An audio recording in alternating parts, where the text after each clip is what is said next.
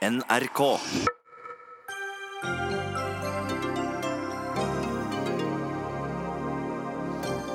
Siv Jensen kvittet seg med Kristine Maier på en ulovlig måte, mener den tidligere SSB-sjefens advokat Dag Steinfeld. En seks uker gammel gutt ble påført 19 ribbeinsbrudd av en av foreldrene. Nå har Høyesterett gitt dem rett til samvær med sønnen én time i året. Jusprofessor frykter dommen kan svekke rettsvernet for voldsutsatte barn. Og helsemyndighetene må bli ærligere om risikoen ved bruk av snus, mener forsker. Studiet viser at snus er langt mindre farlig enn antatt.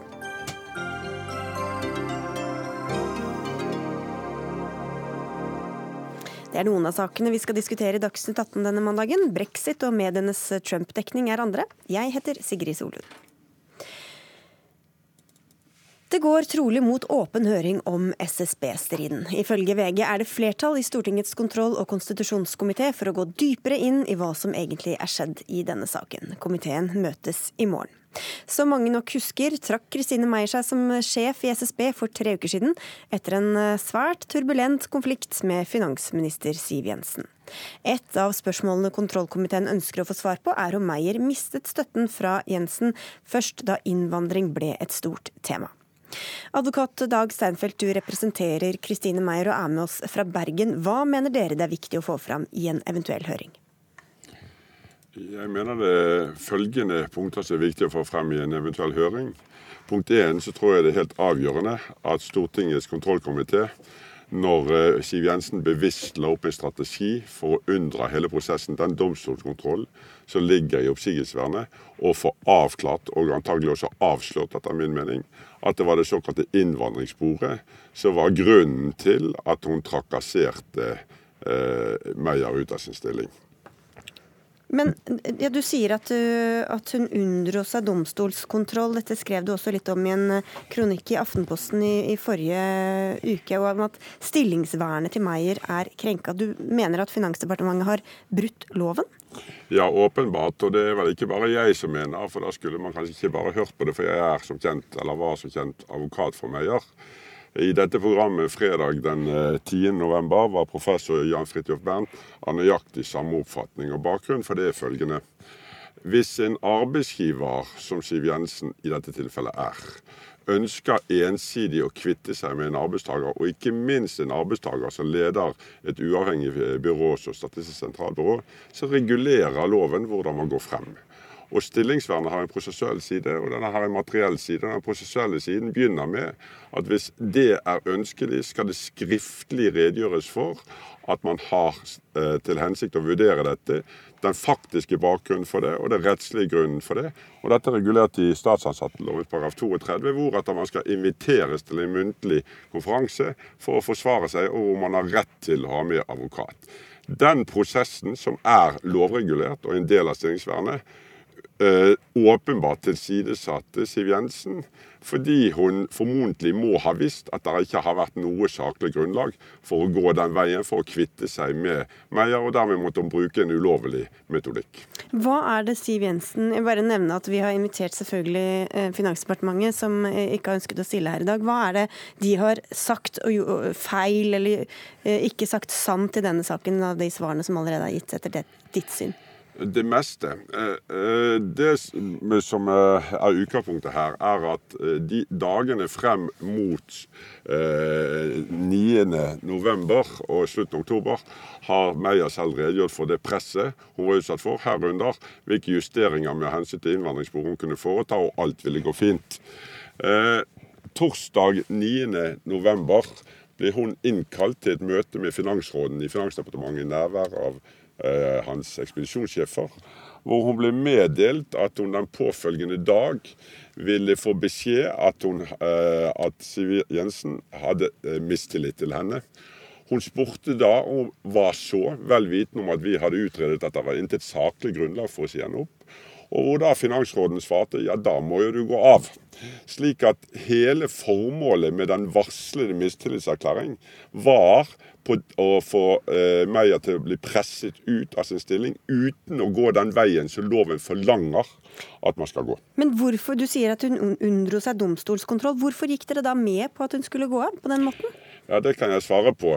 Eh, metodikken som ble brukt, eh, var av nevnte grunner.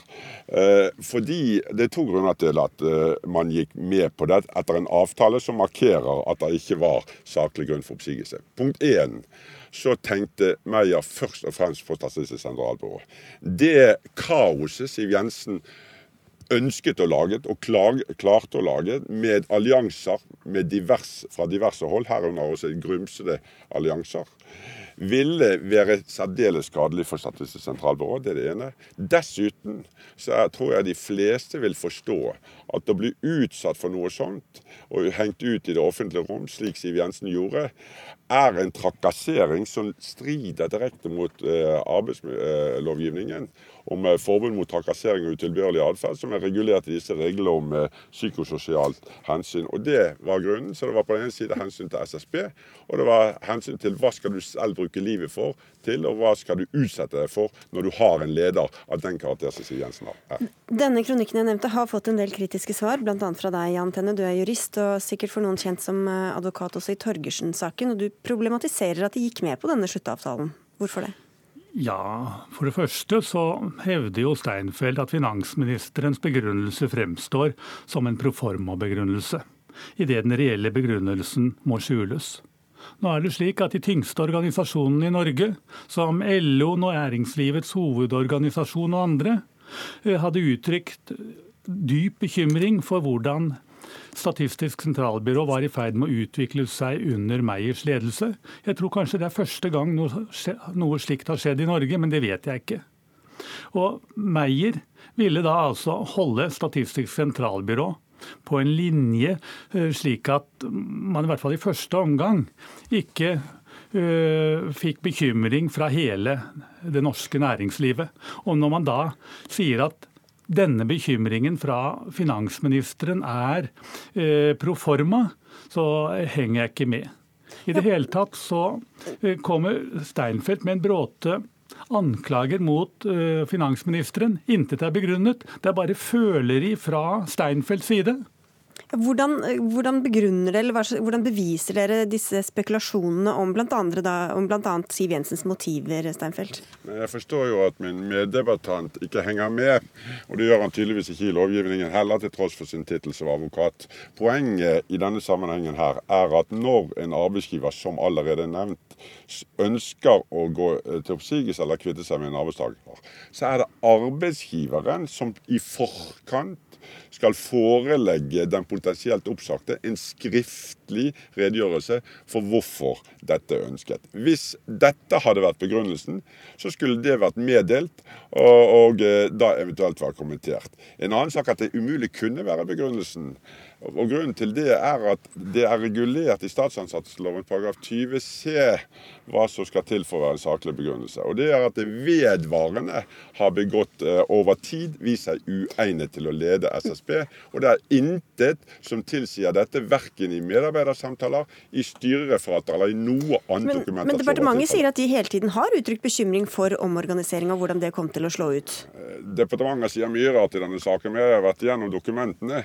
Det vi kan spore i dokumentene, og jeg har hatt mange nedbemanningssaker de 35 årene jeg har hatt uh, i advokatnæringen, er at det står hvilket det alltid står, at man må eh, passe på at man ikke går for fort frem. Så har hele prosessen stadig vært eh, behandlet i de dertil hørende organer, også organer som er overordnet Meyer, og har gått videre uten at det er kommet noen stoppordre. Hvis de dertil hørende organer, som også kan instruere på det organisatoriske plan, var imot det, så kunne de selvfølgelig på et hvilket tidspunkt satt stans, hvilket de ikke gjorde. Dette er og forblir en ren proforma-begrunnelse for å unndra sannheten, nemlig at det er innvandringssporet som var grunnen. Det siste skal ikke jeg ta standpunkt til, men du hevder at uh, Finansdepartementet eller finansministeren ikke fulgte lovens regler. Finansdepartementet og finansministeren var ikke kommet så langt at de hadde gitt en oppsigelse. Så du beskylder eh, Finansdepartementet for å ikke ha gjort noe de ikke skulle ha gjort på det tidspunktet. At jeg ikke vet noe om arbeidsmiljøloven, det kan du jo gjerne få lov til å si. Du har det visst med å beskylde folk for ikke å vite hva de snakker om. Nei, men da, La meg være forsiktig da, og ikke beskylde deg for noe. ikke sagt, men Kjenner du til uh, statsansattelovens paragraf 32? Nei, ikke i denne sammenheng. Nei, Det burde du gjøre før du uttaler deg, nemlig. For det er en regel som uh, etablerer plikter før man går til oppsigelse. Men, men det var, jo, var, det noen oppsigelse som lå der, da? Det var vel bare snakk om, om, tilliten, som det var mye snakk om fra Siv Jensen, at hun ikke hadde tillit til meg. Men hvorfor ble det så sentralt for, for Kristine Meyer, all den tid det ikke er avhengig av en sånn tillit? Jo, jo, og det skal jeg svare på. Poenget poenget er, som jeg nevnte innledningsvis, da det ble meddelt at hun om fredagen ville erklære sin mistillit, og at konsekvensen av det ifølge Finansråden tilsa at hun måtte gå av, så er både eh, erklæringen og dens formål tilkjennegitt. Når hun nå sier, for å komme selvfølgelig rundt den catch 22-situasjonen hun er kommet til i forhold til kontrollkomiteen i Stortinget, sier at Siv Jensen ville ikke være avhengig av hennes, mistillit, uh, hennes tillit, og han således kunne fortsette. Så er det i strid med en rekke ting. For det første så er det en underlig måte en eierskapsledelse fungerer på. At man erklærer mistillit til en administrerende direktør som er leder for et forvaltningsorgan som står oppe i en meget tung omstillingsprosess, hvor all nødvendig autoritet er nødvendig. Hertil kommer at det selvfølgelig oppsiktsvekkende hvis Siv Jensen på denne måten står for statens eh, personalpolitikk. Og for det tredje så er det altså ikke slik som det var før 1936, da vi ikke hadde stillingsvern i Norge, at man kan mobbe folk ut av sin stilling. Det er utfrysing. I dag er det regulert hvordan man skal gå frem hvis man var fjerne en person fra sin stilling. Denne vet at alt har foregått riktig, rett, riktig her i denne saken? Da? For, for det første så har vi veldig skarpe regler, klare regler om hvordan en oppsigelse skal gis. Man er ikke kommet så langt ennå. Og hvis, den, hvis, nå Finansdepartementet ikke opptrådte i henhold til reglene, så var det den enkleste sak av verden å få satt den oppsigelsen til side. Til side. Det vet Steinfeld også. Så sier Steinfeld videre at finansministeren initierte en spesialdesignet prosess for å tilsløre virkeligheten. Det er det som står i Aftenpostens kronikk. Altså, øh, jeg vil påstå at den som spesialdesignet en prosess her, var Steinfeld selv, ved at han dukket opp i Finansdepartementet denne skandaløse fredagen og forlangte å diskutere oppsigelse. Og, det, og diskuterte det ferdig i løpet av to dager, slik at Meyer gikk av. Så Steinfeld har fått akkurat den prosedyren han ønsket han, på vegne av sin klient. Så, som jo fikk mye oppmerksomhet også, Steinfeld. Hva kunne dere gjort annerledes for at ikke konfliktnivået skulle bli så høyt som det ble da? La, eh, før jeg svarer på det, la meg spørre et et spørsmål. Da du så på denne kronikken min i Aftenposten Aftenposten tok de deg tiden til å klikke på den linken til Dagsnytt 18 hvor professor Bernt uttalte seg om dette? Nei, det gjorde jeg ikke. Nei, Det burde du kanskje gjort. For i den grad du ikke hører på meg, så hører du kanskje på folk med atskillig høyere kompetanse enn både meg og deg, som altså sier at dette åpenbart etter sin mm. realitet var et møte som eh, utløste eh, paragraf 32-situasjonen. Så er det lagt på plass. Og så var det mitt spørsmål. Nei, det er ikke lagt på plass. Nei, ikke overfor deg, men overfor de alle andre som har greie på det. Det var jo eh, mye støy også med, med denne fredagen, da, som vi husker. Hva kunne du og, og Meyer gjort annerledes for å ikke få så høyt konfliktnivå? Jeg tror ikke Meyer kunne gjort noe annerledes. Jeg skulle i den pressekonferansen hvor eh, jeg ble omringet av 20-30 journalister, som halte og dro i meg og spurte fra alle mulige kanter etter at det samlet Presse-Norge med NRK i spissen hadde erklært at Meyer allerede var gått av, og ble meget skuffet når ikke hun kom ut som en fallen administrerende direktør. Opptrådt roligere og ikke blitt like aggressiv og arrogant som eh, deler av pressen stadig vekk er i saken. Men så da, mitt siste spørsmål. Eh, hvorfor gikk dere da med på en avtale med de medfølgende summene, for så nå å komme med så sterke anklager som dere gjør i etterkant? Som jeg allerede sa, når Meyer eh, valgte det, så var det punkt én av hensyn til SSB. De har behov for å få ro i saken. Punkt to av hensyn til hva hun selv vil bruke livet for, og av hensyn til hvilke, men, hvis jeg får snakke ut, ja, av hensyn til hvilke belastninger hun selv skal utsette seg for. Du sa du hadde saken, så spørsmålet var mer hvorfor dere da fortsetter å, å kjøre saken? Fordi det er særdeles viktig konstitusjonelt at Siv Jensen respekterer Statistisk sentralbyrås uavhengighet, fordi det er livsfarlig når politik, politikerne prøver å redefinere virkeligheten for, uh, istedenfor å anvende politikken på den avklarte virkelighet. Det er det de prøver på uh, når de uh, i denne saken krenker Statistisk sentralbyrås uavhengighet. Dere, vi får si tusen takk. Det blir spennende å se. I morgen eh, så skal altså kontroll- og konstitusjonskomiteen bestemme om de går for en åpen høring. Det blir det sikkert mer om da i så fall. Takk skal dere ha begge to, Jan Tenneø og Dag Steinfeld. Dagsnytt 18 alle hverdager klokka 18.00 på NRK P2 og NRK2. Er Norges olje- og gassindustri bare symboler i klimadebatten som tar oppmerksomheten bort fra mer essensielle saker? Det kan se sånn ut, ut fra et innlegg i Dagbladet i dag, hvor vi kan lese at dessverre har venstresida og deler av miljøbevegelsen skapt en skyttergravsdebatt full av symboler. Forfatteren er deg, Stefan Heggelund. Du er eh, medlem av energi- og miljøkomiteen på Stortinget og sitter der eh, for Høyre. Norge er altså den tiende største oljeprodusenten i verden. Brenning av fossil energi er en av hovedkildene til global oppvarming. Hvordan er det da symbolsk å snakke om norsk oljeproduksjon i klimasammenheng? Ja, Det handler om flere ting. Det handler om hva vår f.eks. gass blir brukt til nede i Europa, som jeg skal komme tilbake til. Eh, og så handler det om hvor stor eksportør vi er av olje og gass. Og vi leverer altså 2% av etterspørselen på det globale markedet. Men poenget mitt med den kronikken, det var ikke å si at vi ikke skal diskutere norsk petroleumsnæring. Jeg skriver at det er viktig både når det gjelder sikkerhet, økonomi og ikke minst klima. Men vi ender alltid opp med å nesten utelukkende diskutere det. Og, og jeg mener klimadebatten i Norge den tar for liten plass. Vi må diskutere det oftere, vi må diskutere det mer høylytt. Men vi må også klare å bredde debatten. Vi må gjøre den større. Den må handle om både hvordan Norge kan bidra mer til å få de globale utslippene ned, men også hvordan vi skal jobbe for å nå våre egne klimamål i det vi kaller for ikke-kvotepliktig sektor, som er vårt største nasjonale ansvar. Men til eh, hovedanliggende altså, her, da, leder i Naturvernforbundet Silje Ask Lundberg. Diagnosen om symbolpolitikk og fallgruver, hva syns du om den? Nei, Den synes jeg er ganske dårlig, for å være helt ærlig. Og så synes jeg også at den, den henger ikke helt på greip med det som er de øvrige tingene som Heggelund mener at vi skal kunne diskutere. For vi skal altså diskutere klimarisiko, men uten å diskutere petroleumsnæringa. Og så skal vi diskutere klassisk naturvern, men nok en gang, vi kan ikke diskutere petroleumsnæringa. Sånn at den blir litt som for dum. Eh, og så er det jo en gang sånn at eh, Hvis man ser på hvordan eh, eh denne regjeringa har oppført seg på en del av her områdene, så er det altså sånn at vi aldri før har hatt en regjering som har overkjørt absolutt alle de miljøfaglige rådene som er gitt i forbindelse med tildelingsrundene til olje- og gassnæringa. Det betyr jo at man også overkjører rådene hva gjelder klassisk naturvern, hvor man ikke burde drive med petroleumsvirksomhet nettopp av hensyn til økologien, til sårbare økosystemer. Ja. Sånn at da hvis man skal diskutere klassisk naturvern, da lurer jeg jo liksom på hva er det vi får lov å diskutere her? Hva er det som er fallgruve og ikke er det? Ja, for i Lofoten, Senja, Vesterålen, Barentshavet, da er det jo naturvernhensyn som først og fremst er argumentene mot. Ja, og Derfor så mener jo primærstandpunktet til mitt parti er at dette må konsekvensutredes. Men det vi hørte nå, dette var jo en stråmann. For jeg sier jo ikke at vi aldri skal snakke om norsk petroleumsnæring. Men jeg sier at for det første må vi realitetsorientere den debatten. Eksempel så var jeg på klimatoppmøtet i Bonn for et par uker siden og snakket med tyske parlamentarikere, grønne politikere, altså det grønne partiet i Tyskland. Hva sier de?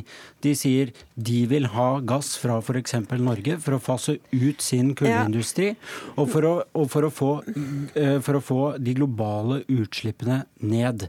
Eh, Storbritannia har lavere utslipp enn på over 100 år, bl.a. ved hjelp av norsk gass. Men spørsmålet Men, mitt var egentlig hvorfor ikke hvordan, disse, Når du etterlyser mer hvordan, snakk om naturvern, ja. Eh, så, så, ender jo det opp altså Hvorfor ikke, hører ikke det hjemme i en, i en debatt om, olje, om oljeutvinning? Da? Jo, det hører også hjemme i en debatt om oljeutvinning. Men det er ganske mange andre ting som også er viktig i et naturvernsperspektiv. F.eks.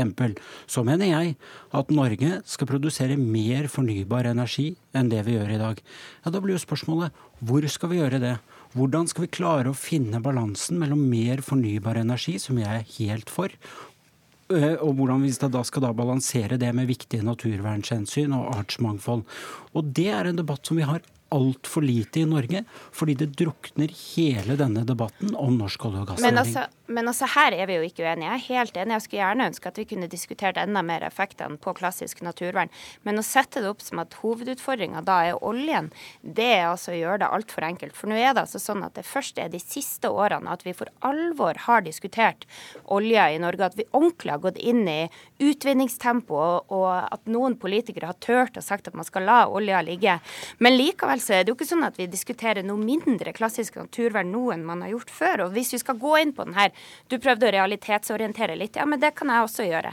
For hvis vi skal realitetsorientere, så er det altså at sånn at Norge er verdens syvende største eksportør av utslipp. Og så er det sånn at for denne rene gassen, som Statoil har drevet markedsføring for i Europa, så har de blitt dømt for villedende markedsføring, nettopp fordi den norske gassen ikke er ren. Sånn at dette bildet er jo mer komplekst enn å bare si at norsk olje og gass nærmest skal, skal berge klimaet.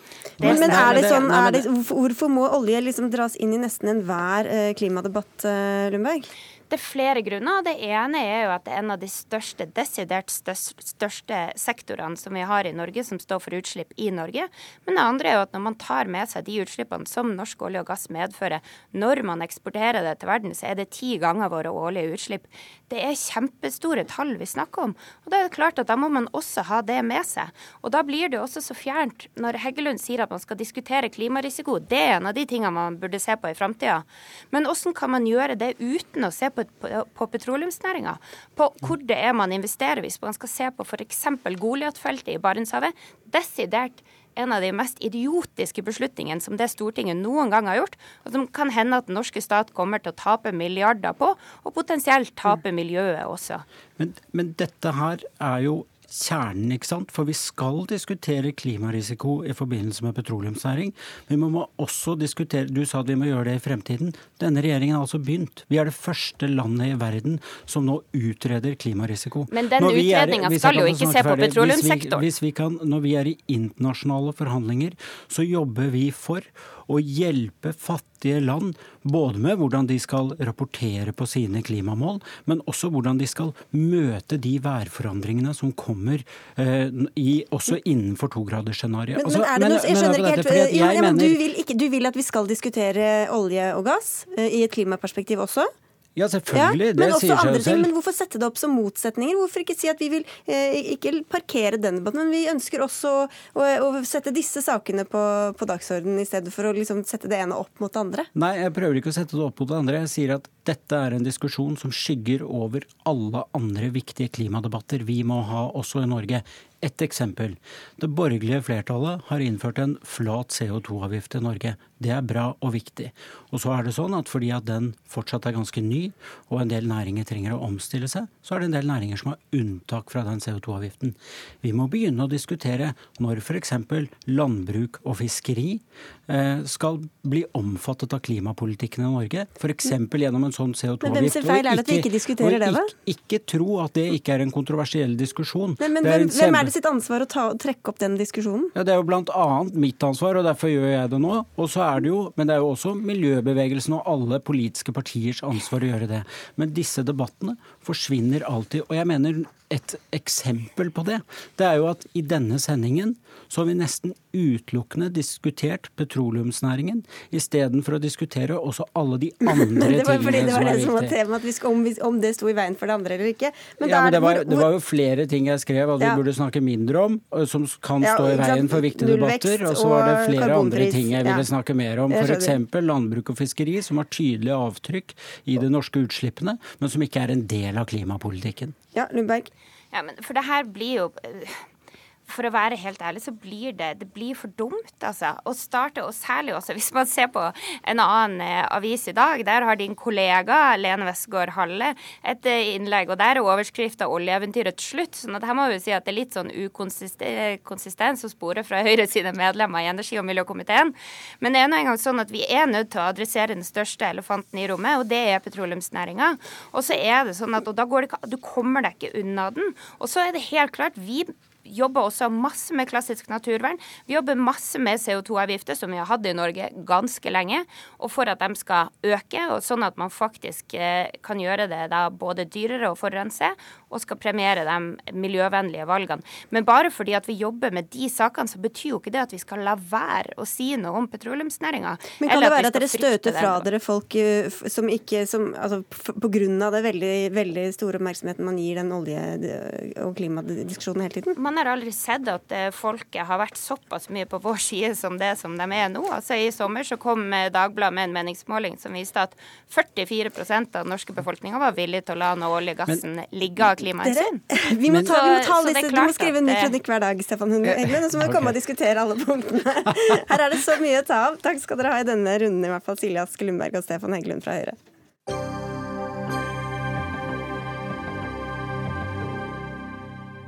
Skilsmisseforhandlingene mellom EU og Storbritannia går i riktig retning, uttalte en talsperson for den britiske regjeringa i ettermiddag. I dag har statsminister Theresa May og EU-kommisjonens president Jean-Claude Juncker sittet samlet. Dagens møte åpner for neste fase i brexit-prosessen, nemlig forhandlingene om det framtidige forholdet mellom EU og Storbritannia, der de bl.a. forsøksvis skal komme fram til en handelsavtale. Europakorrespondent Philip Lote, du er med oss fra EU-kvarteret i Brussel. Hva vet du om det som er kommet ut av møtet så langt? Dette var en dag som startet veldig positivt. Det var en blid Theresa May som kom til Brussel. Men så tok møtet med Juncker litt lengre tid. Hun skulle over og snakke med den andre EU-presidenten, eh, presidenten i EU-rådet, Donald Tusk, som hadde avlyst et besøk til Jerusalem og Ramallah. Og så, eh, for bare litt over en time siden, så ble det klart at de ikke har kommet til enighet. Dette til tross for eh, positive lekkasjer gjengitt i britiske medier. Så måtte både Juncker og May innrømme at de ikke var kommet helt i mål. Det var gjort store fremskritt i spørsmålet om grensen i Nord-Irland. altså den mellom republikken Irland og Nord-Irland, som blir EUs yttergrense mot Storbritannia. Men mest sannsynlig pga. Motstand fra Theresa May sin allierte i Nord-Irland, det demokratiske unionistpartiet, så klarte de ikke å komme til enighet. Hmm. Hvilke andre saker er det som skal forhandles om nå, og hva er det som gjenstår i neste fase? Ja, det de har kommet ganske langt i i forrige uke, er pengespørsmålet. og Det er rett og slett fordi at Storbritannia nå har lagt mye mer eh, penger på bordet. Eh, de begynner å nærme seg EUs krav, eh, som har eh, vært et estimat på mellom 60 og 100 milliarder euro. Nå har britene lagt 50 milliarder euro på bordet i et skilsmisseoppgjør, og samtidig sagt at de også er villige til å betale eh, i henhold til forpliktelser, eh, pensjonsavtaler eh, for EU-byråkrater osv., som kan bli ganske mye, eh, eller store summer etter hvert. Og så har de også begynt å snakke om EU-domstolens rolle, dvs. Si spesielt EU-domstolens rolle når det kommer til tvistespørsmål om EU-borgeres rettigheter i Storbritannia etter brexit, og også briters rettigheter i EU etter brexit. Men det store spørsmålet som er viktig nå, er jo altså Irland-spørsmålet. Hvor eh, det ble skissert en løsning hvor Nord-Irland nærmest skulle være garantert et minsteminimum av det de har i dag, altså tilgang til eh, EUs indre marked, uavhengig hva utfallet av brexit-forhandlingene mellom Storbritannia og EU skulle bli. Og dette ble litt for vanskelig å selge inn hjemme for Theresa May foreløpig, så her eh, håper de å kunne fortsette, og de sier at de gjenopptar forhandlingene i slutten av uken. Takk skal du ha, Philip eh, Lote. Så til deg, Anette Groth. Du er forfatter og tidligere korrespondent her i NRK fra, i, i Storbritannia. Hvor opptatt er vanlige britene av disse forhandlingene og det som skjer nå? Nei, De er jo opptatt av det. Det er veldig mange som snakker om det. Men det som preger samtalene, er jo all usikkerheten. Hvordan blir dette her? Eh, og det ser vi jo nå. når De altså de har jo holdt på å forhandle et halvt år, og de har jo ikke kommet noen vei. Eh, absolutt ikke. De holder fremdeles på med disse tre første spørsmålene som Philip Lotte snakket om her. Så de er opptatt av det, men eh, det er ikke så lett å vite hva man skal, eh, hva man skal tenke og mene. Mm, og Du har reist mye og snakka med mange i forbindelse med en ny bok eh, om brexit. Hva nå? Som, som, som du gir ut nå. Og hva, hva, sier folk da? Var det sånn de hadde sett det for seg at det kom til å bli? Nei, altså jeg har reist rundt hele. Nord-Irland, Wales, Skottland og England. og nei, altså de visste jo ikke hva de skulle se for seg. fordi det er jo galskap, spør du meg, å holde en eh, folkeavstemning om et så viktig konstitusjonelt spørsmål uten å ha funnet ut noe om hva alternativene er. Jeg kan ikke skjønne annet enn at daværende statsminister David Cameron var så sikker på at han skulle få ja i den folkeavstemningen. At, han, eh, at, at det ikke var noen plan B der. Mm. Og det er jo det som, som, rir folk, at de ikke vet. Og, og Nord-Irland-spørsmålet som, som Philip Lotte nevnte her, er jo kanskje det som blir det vanskeligste, iallfall i denne omgangen her. Hvorfor er det så viktig? Jo, fordi at uh, du, hvis du lager Altså, Nord-Irland var i konflikt i 30 år. Uh, da var grensen stengt. Da hadde den britiske hæren stengt den, og det var checkpoints med britiske soldater og den slags. Så fikk du en fredsavtale i 1998 som innebar at det ble fri flyt over grensene av mennesker, av uh, varer, altså bønder i nord og sør, samarbeide med hverandre. Og det ble en sømløs grense. Det er sånn at når du kjører der, så, så vet du ikke hvilket land du er i. Og dette er en lang grense. Den er 500 km lang, og det er over 200 veier som krysser den. Og jeg tenker de politikerne som driver og, og, og diskuterer dette, vet de egentlig hva, hvordan det ser ut der? Har de, har de vært der? Har de sett det? Og den usikkerheten der, det er kanskje den jeg følte mest på etter å ha reist rundt i Storbritannia, og da særlig snakket med mange folk i Nord-Irland, som var livredde for at man igjen skulle få en stengt grense, som igjen kunne, kunne, føre til uroligheter og fiendskap mellom mennesker som har brukt 20 år nå på å forsøke å nærme seg hverandre og få til et samarbeid over den grensen. Og til slutt her, Det var jo disse summene som, eh, som vi snakker om, eh, ganske mange mye penger. Hva, er, hva sier britene om å punge ut med sånne summer? Det kommer litt an på hvem du snakker med, tror jeg. Eh, jeg tror at de mest ihuga nei-folkene de eh, syns nok dette er fryktelig dyrt. De ville bare ut og ikke betale noen ting, og mener at det er betalt altfor mye penger inn til EU gjennom årene uansett. Men det er klart at uh, britene begynte vel på noe sånt som 20 eh, milliarder eh, euro og har endt på 50. Men det er allikevel ikke de 60-100 som EU satte opp. Så jeg tror ikke det blir de store og sterke reaksjonene på det der. Det er, det er ikke der de største problemene ligger. Takk skal du ha, Anette Groth.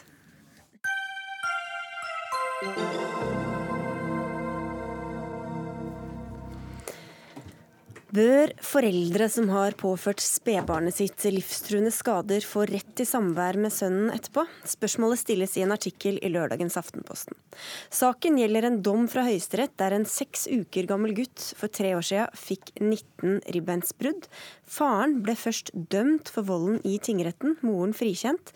Så ble faren frifunnet i lagmannsretten, og begge er nå dømt for å ha latt barnet forbli i hjelpeløs tilstand. Retten er altså sikker på at en eller begge står bak volden, men kan ikke bevise godt nok hvem det var. Både tingretten og lagmannsretten sa nei til samvær, men etter en anke til Høyesterett skal gutten nå møte foreldrene én time i året hvert år. Eh, I dag er gutten tre og et halvt år gammel og bor hos fosterforeldre. Elisabeth Gordin Stang, du er jusprofessor på Høgskolen i Oslo og Akershus og har barnerett som spesialfelt. Og du sier til Aftenposten at denne dommen er uheldig. Hvordan mener du at Høyesterett har vektet feil i denne saken? Eh, jeg syns, eh, Mitt inntrykk er i hvert fall at jeg syns ikke Høyesterett har klart å få fram hvorfor dette samværet er til barnets beste. De argumenterer med det, men jeg syns deres argumentasjon er veldig prinsipiell, og det er vanskelig å få tak i hvorfor de mener at dette er til guttens beste. Eh, og så syns jeg dommen er uheldig mer generelt, fordi at den kan nå skape en usikkerhet om eh, hva som egentlig skal til for å nekte samvær når barn har vært utsatt for så alvorlig vold. For det kan jo, kan jo nektes når det ikke er til barnets beste og barnet har opplevd den type ting. Vi kan komme tilbake til mm. disse eventuelle ringvirkninger, men hva frykter du kan skje med, med gutten i dette tilfellet, da, når han skal møte altså, foreldrene? Ja, altså, jeg har jo bare min informasjon fra, fra disse dommene, eh, Høyesterett og lagmannsrettens eh, dommer. Men det som ble pekt på der, det er jo flere ting. Det ene er jo risikoen for retraumatisering, som det er kanskje vanskelig å bevise, men det er en risiko. Og så lenge det er en risiko, så mener jeg at det ikke er til barnets beste å ta den risikoen. Det andre er, som har vært pekt på fra den sakkyndige i, i, i begge sakene, dommene, da, begge rettsinstansene, at det også er en risiko for at gutten for tidlig kan bli, måtte konfronteres med sin egen historie før han kanskje er klar for det, fordi at disse samværene vil gjøre at han hvert år blir, må bli altså, blir konfrontert med situasjonen og kan begynne å stille spørsmål, og det kan bli vanskelig å ikke skulle svare på det, og at han kan få dette for, for tidlig opp.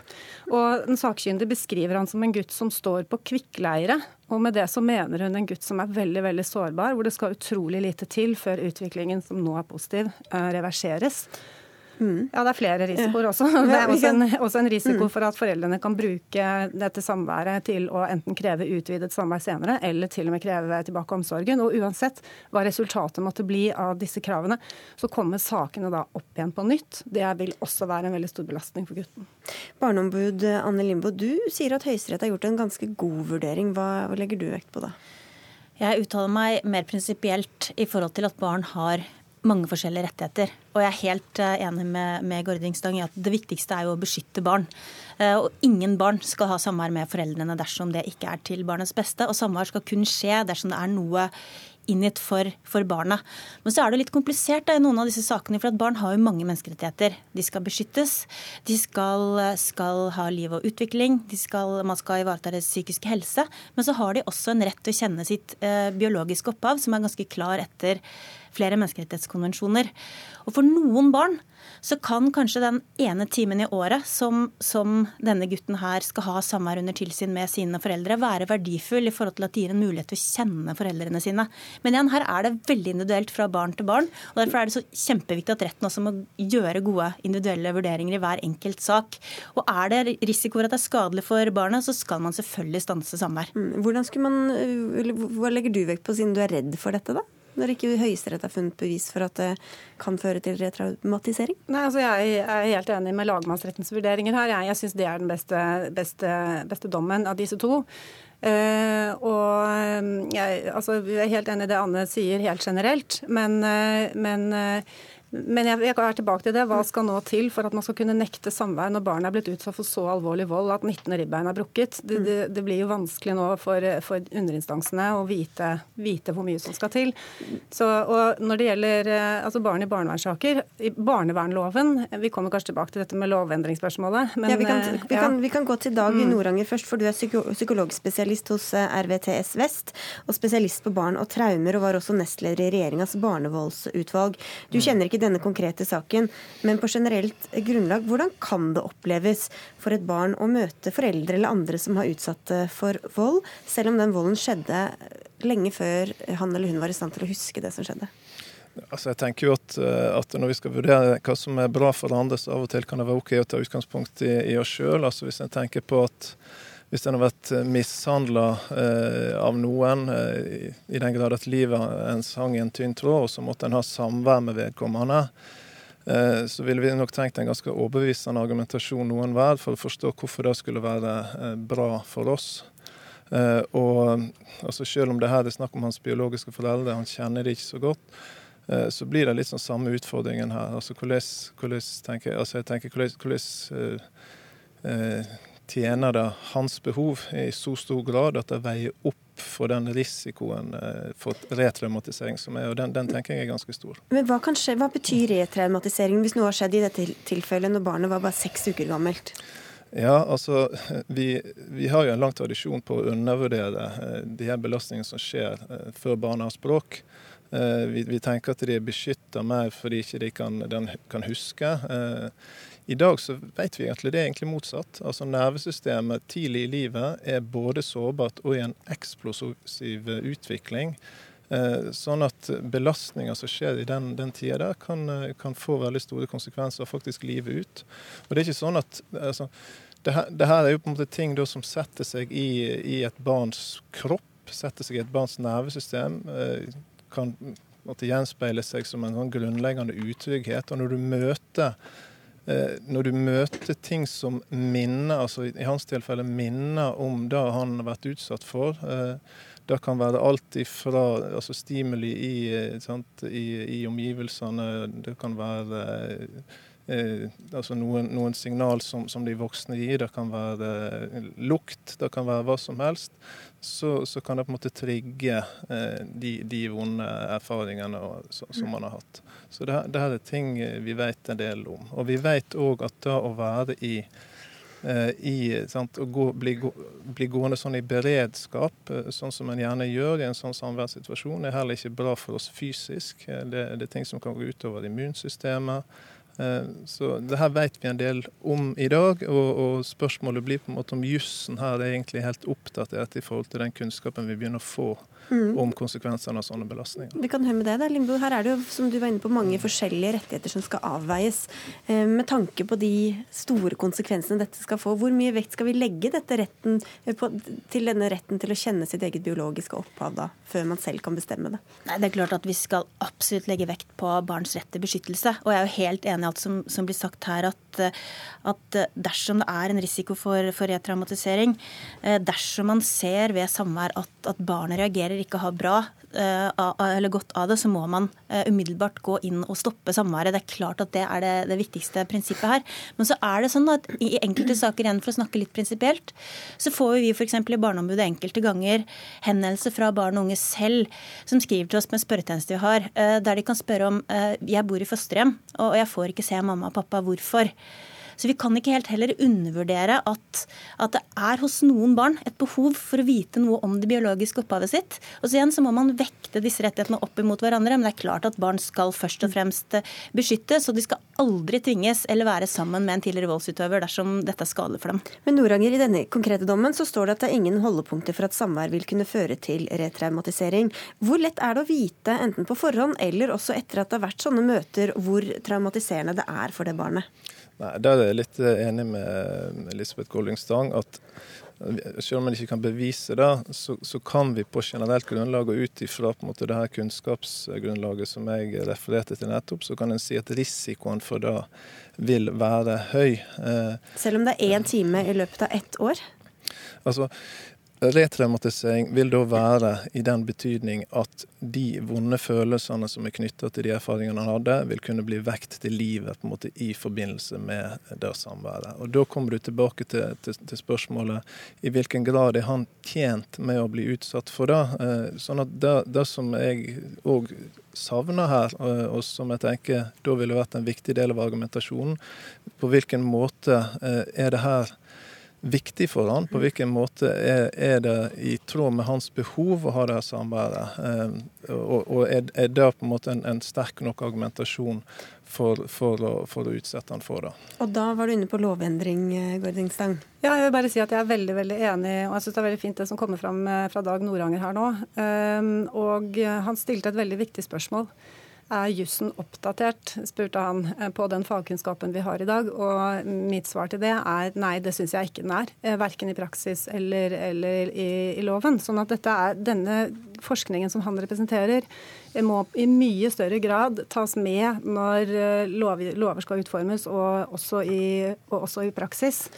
Eh, og det som Høyesterett sa, var at de ikke kan se at det er en reell og akutt fare for retraumatisering. De kan heller ikke utelukke at det er en risiko der. Og så lenge det er en risiko der, så kan jeg ikke se at det kan være til barnets beste å ta den risikoen, selv om den er liten. Og jeg syns ikke heller at det er forsvarlig å vente til eventuelt barnet får voldsomme traumereaksjoner, og så stoppe samværet etter det. Så jeg syns at det hadde vært lurt å se på på hvordan denne samværsbestemmelsen er formulert i barneloven. Om man f.eks. skal ta inn en presisering der om at mm. eh, man bør legge særlig vekt på at mm. barnet ikke skal utsettes for, for noe som kan skade dets helse og utvikling. Det, ja. Skal bare høre med Barneombudet til slutt. Er du, også, er du, redd for ringvirkningene en sånn, denne dommen potensielt kan få? Nei, Jeg er helt enig i, med både Noranger og mm. Gårdingsanger på at vi må se på lovverket. Og at den store utfordringen her er at for mange barn utsettes antageligvis for samvær som ikke er bra. Og at her trengs det mer kompetanse avgjørelse i, i, i domstolen. Men igjen så, så, er jeg nok litt bekymret for en generalisering som gjør at man automatisk skal miste alle muligheter til å ha noe samvær med eh, i det hele tatt med mor og far. Igjen må man gjøre enkeltvurderinger, eh, barnets beste-vurderinger i hver enkelt sak. For for noen barn så kan den ene timen være verdifull også senere i livet. Derfor det blir konklusjonen. Tusen takk skal dere ha alle tre. Elisabeth Gording Stang, Anne Limbo og Dag Noranger. Hør Dagsnytt 18 når du vil. Radio NRK Radio.nrk.no.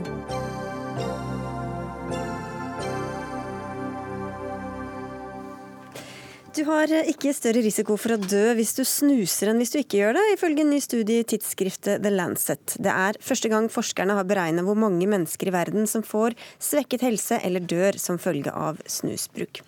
Nå skal vi jo riktignok dø alle sammen, Karl Erik Lund, du er forskningsleder for tobakk ved Folkehelseinstituttet, men da er det kanskje ikke snusens feil? Er, det gode nyheter, det her? Ja, det er jo gode nyheter. Eh, at snus ikke kommer til å bli et folkehelseproblem. Eh, det er mye bedre enn hva vi fryktet for 25 år siden. Eh, da trodde vi at det var et skrekkscenario ved, ved snus. Men det ser ikke ut til at snus, eller e-sigaretter heller, kommer til å ramme befolkningen på de måtene som det røyken i sin tid gjorde. Følgeskadene er mindre, de er færre. Vi ser at de vil ikke bli den samme utbredelsen, verken på e-sigaretter eller snus, som vi hadde på røyking. Og de fleste brukerne her av snus og e-sigaretter de kommer jo fra røykepopulasjonen. Og den røykepopulasjonen blir jo mindre og mindre og mindre. Og det betyr jo at reservoaret av potensielle brukere blir også ganske lite. Så vi forventer ikke at dette er noe udetonert eh, bombe. Så det er bare gladnyheter på gladnyheter her, da. Ja. Men, men, det er jo sånn at dette vekker debatt, også internt i deres eget institutt. Atle Fredheim, du er også forskningsleder i Folkehelseinstituttet, men ved mm. avdeling for global helse. Snus gir ingen økt dødelighet, eh, sier denne studien. Kan vi trekke den konklusjonen?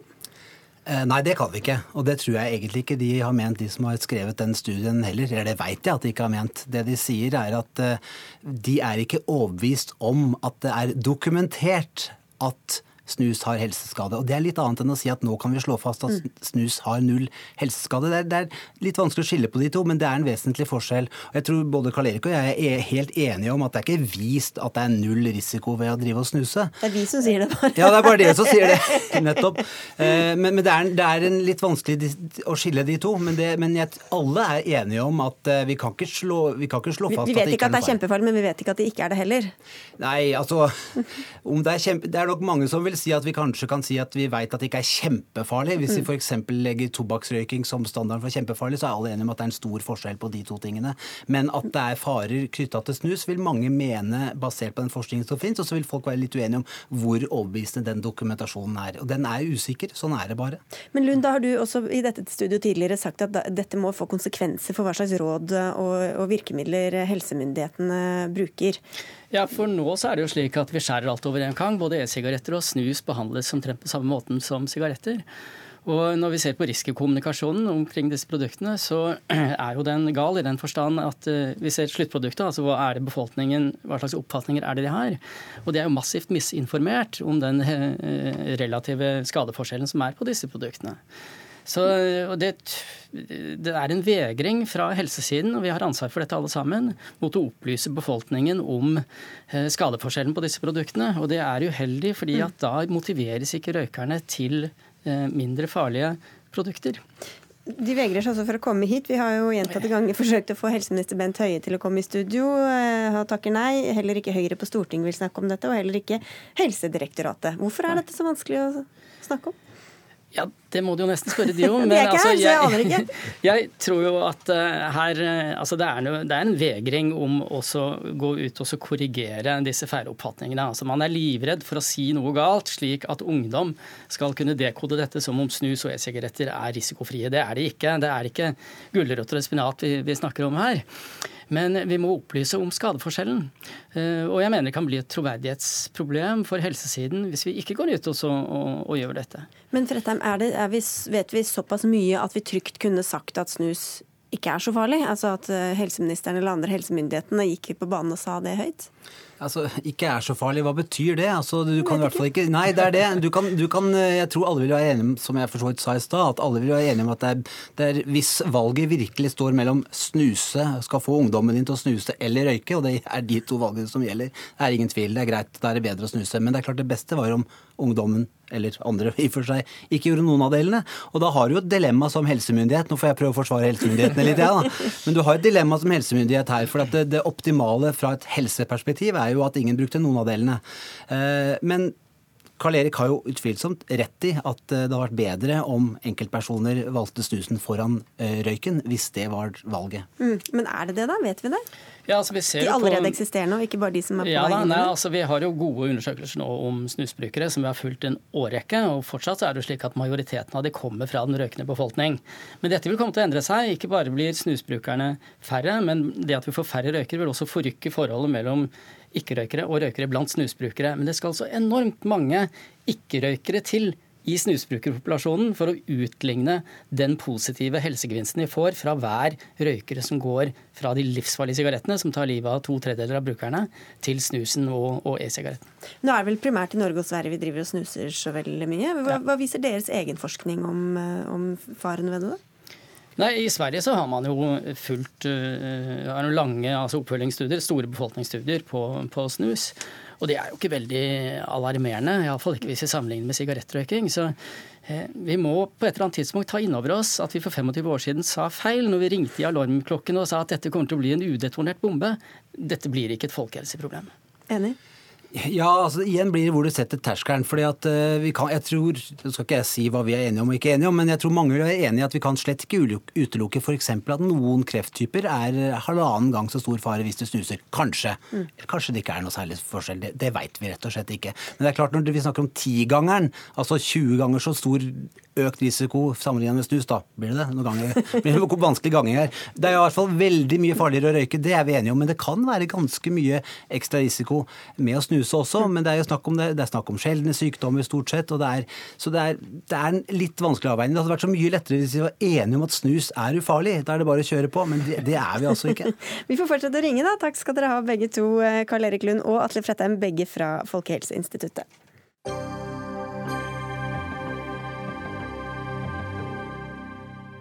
Donald Trumps twittermeldinger får ofte mye oppmerksomhet. Forrige uke var ikke noe unntak. Da retvitret Donald Trump tre videoer fra den sterkt innvandringskritiske gruppa Britain First. Og dette utløste en uh, liten storm i media, også her i Norge.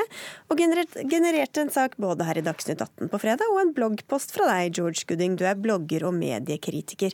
Og hva er det du kritiserer mediene for i dekninga av disse twittermeldingene? Eh, de, de, undergraver en veldig riktig kritikk som man kan komme med mot Trump, for at han bruker embetet sitt til eh, å spre denne type meldinger. Ved å rett og slett lyve om disse videoene og, og, og si ting om den som ikke stemmer, og det ser jeg ikke helt eh, poenget med. Hva var det de videoene viste, og hva var det mediene skrev? mediene generelt sett prøver å late som disse videoene er uverifisert at det er noe eh, feil med dem. Eh, den ene videoen ble feilrepresentert i den ene tweeten. Altså de andre to videoene er gamle videoer som for lenge siden har blitt eh, bekreftet som ekte, og at innholdet i dem er sånn som det ble fremstilt i de tweetene han sendte videre. Altså en, en, muslim som gjør noe voldelig mot uh, en annen en gruppe eller uh, mennesker? Ja, i det tilfellet så var det en islamist som kastet en annen uh, fra, et, ja, fra, et, tak, og han ble dømt og henrettet for det han gjorde der.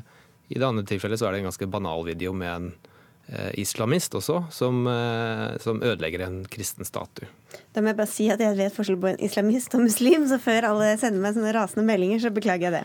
Eh, du kaller i blogginnlegget ditt bl.a. NTB for en propagandasentral.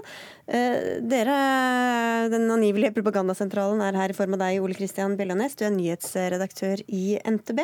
Eh, hvorfor var det så mye sånn angivelig og liksom omsnakk da dere omtalte disse retvitrene?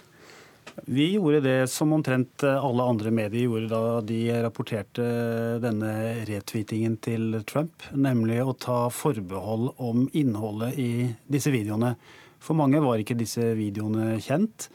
Og både norske og internasjonale medier tok eh, ganske kraftige forbehold. Eh, ordet 'påstått' og 'angivelig' ble brukt både i Norge og internasjonalt. Eh, der fulgte vi egentlig bare det alle andre medier gjorde.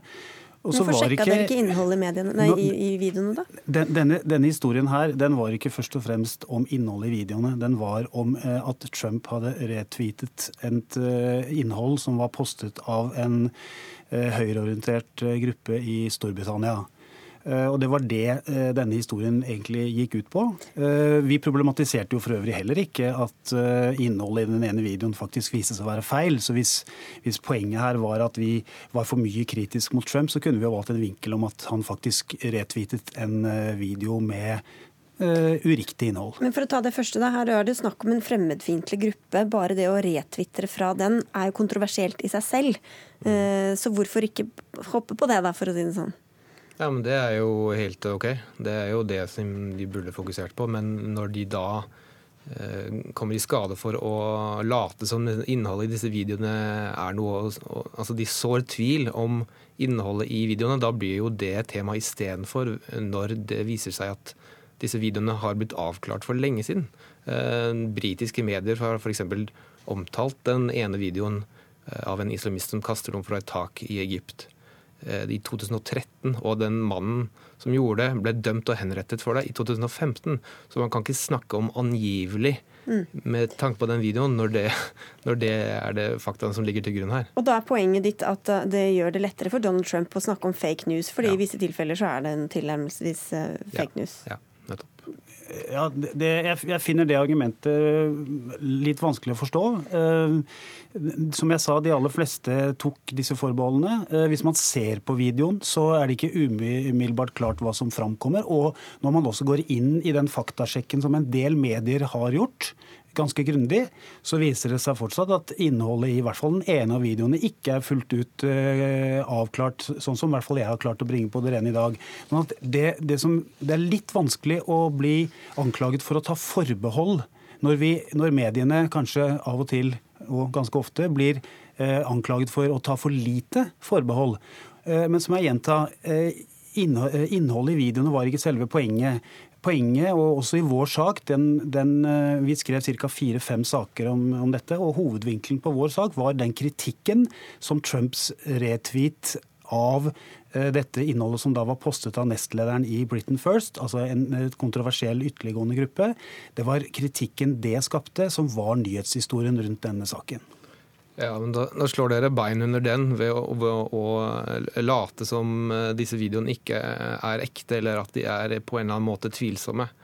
For da kan de som vet at de ikke er det, de kan gripe fatt i det, og så kan de Eh, undergrave hele kritikken i saken. Det er et godt journalistisk eh, eh, prinsipp å ta forbehold når man ikke selv helt ut vet eh, dette. Vi så eh, Men bruker dere angivelig, vil dere sagt angivelig hvis det var Obama som hadde retvitret en video, f.eks.? Ja, det, det, ser jeg ikke bort fra. Det er, det er en helt annen problemstilling. Altså, vi, eh, vi, prøvde ikke å skape noe annet enn å ta et forbehold. Vi omtalte ikke innholdet i videoene spesifikt. Hvorfor ikke det? Eh, Hvorfor skal en retvitring få mer omtale enn innholdet i selve videoene? Eh, I denne sammenhengen så skapte det reaksjoner at eh, Donald Trump retweetet tydeligvis uten helt å vite hvem som hadde postet uh, dette. Han retweetet dette ukritisk. Uh, veldig mange satte dette i sammenheng med at det var innhold som kunne i hvert fall oppfattes som klart muslimfiendtlig. Uh, og det, dette skapte sterke reaksjoner over hele verden, eller i hvert fall spesielt i Storbritannia, siden dette da var fra Storbritannia. Men forrige gang jeg var her, så, så fikk NRK ble, de ble oppringt av dere, for dere var sure på meg fordi at jeg sa at dere ikke tok forbehold. Og det var en, om en annen sak, som da også eh, var om Trump. Og da skrev dere at CNN eh, sa at Russland sitter på sensitiv info om Trump. Der tok dere ikke forbehold om at CNN faktisk ikke reelt sett uh, la frem det som en faktisk påstand. Så, du, at, så Trump blir for en annerledes behandling i mediene enn andre politikere? Ja, det får han jo. Ja. Men uh, hvis vi bare ser på to forskjellige saker som handler om Trump, så her går dere altfor langt i å ta forbehold, hvor det ikke er noe saklig grunnlag for å ta forbehold engang. Og så når det er andre tilfeller hvor dere omtaler kritiske ting om Trump, så tar dere ikke forbehold, og så uh, sprer ting som ikke er sant. Vi, vi, vi har skrevet 6500 artikler det siste året om Donald Trump. Eh, eller der han i hvert fall er nevnt eller spiller en viss rolle. Du, du trekker fram to saker eh, nå, og så eh, spinner du rundt det og kaller både oss, NRK, TV 2 for løgnere. Eh, det står ikke helt til troende. Vi eh, er et, et seriøst nyhetsformidler. Vi har ingen agenda annet enn å drive seriøs Statsråd Terje Søviknes delte også den videoen. Det omtalte dere det da? Nei, det er jeg ikke kjent med om vi, om, om vi gjorde akkurat det. Men jeg, sier, jeg, skjønner ikke at jeg, jeg, kan ikke si at det er noe argument for at ikke vi skulle omtale når Donald men, Trump eh, Da må jeg bare spørre deg helt, helt, på tampen, Gudding. For det er jo sånn at Trump er, omtatt, er tatt i mange faktafeil, så hvorfor skal man på en måte tillegge ham den eh, troverdigheten eh, da? Nei, Man må jo ikke gjøre det samme som han. Hvis man skal, eh, hvis man skal kritisere den største løgneren Det hvite hus noen gang har hatt, så kan man ikke lyve selv. Men det er kanskje greit å skrive litt angivelig før man får sjekka det? jo, men her burde man eh, ikke trengt det. Altså, Altså Her var disse faktaene allerede avklart for mange år siden i, i, i pressen. Dere, du må ta det på gangen. Tusen takk skal dere ha, George Gooding og Ole Christian Bellanes, for Dagsnytt 18 er over for denne gang. Det var Dag Dørum som hadde ansvaret for innholdet, Frode Thorshaug hadde teknisk ansvar, og jeg heter Sigrid Solund og ønsker en god kveld.